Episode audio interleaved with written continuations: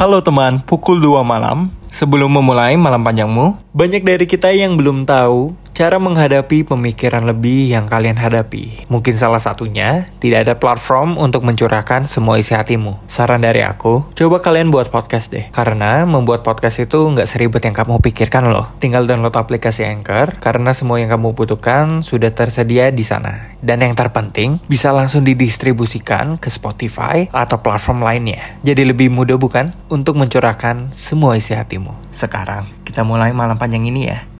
Selamat datang di bulan yang katanya paling horor, Oktober.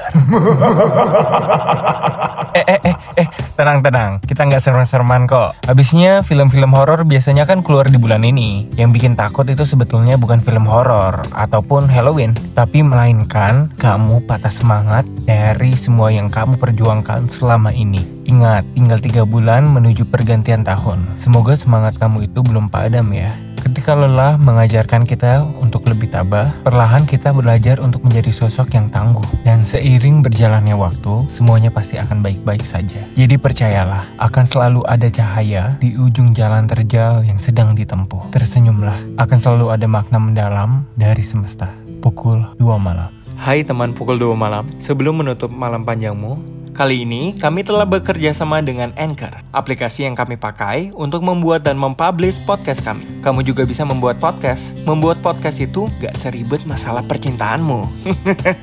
dan tentunya gratis. Karena semuanya sudah disediakan di Anchor dan langsung bisa didistribusikan ke Spotify dan platform lainnya. Jadi langsung aja kamu download aplikasinya dan buat podcast kamu untuk mencurahkan semua pemikiran lebih kamu. Sekarang kita istirahat ya agar kita siap menghadapi malam panjang esok hari.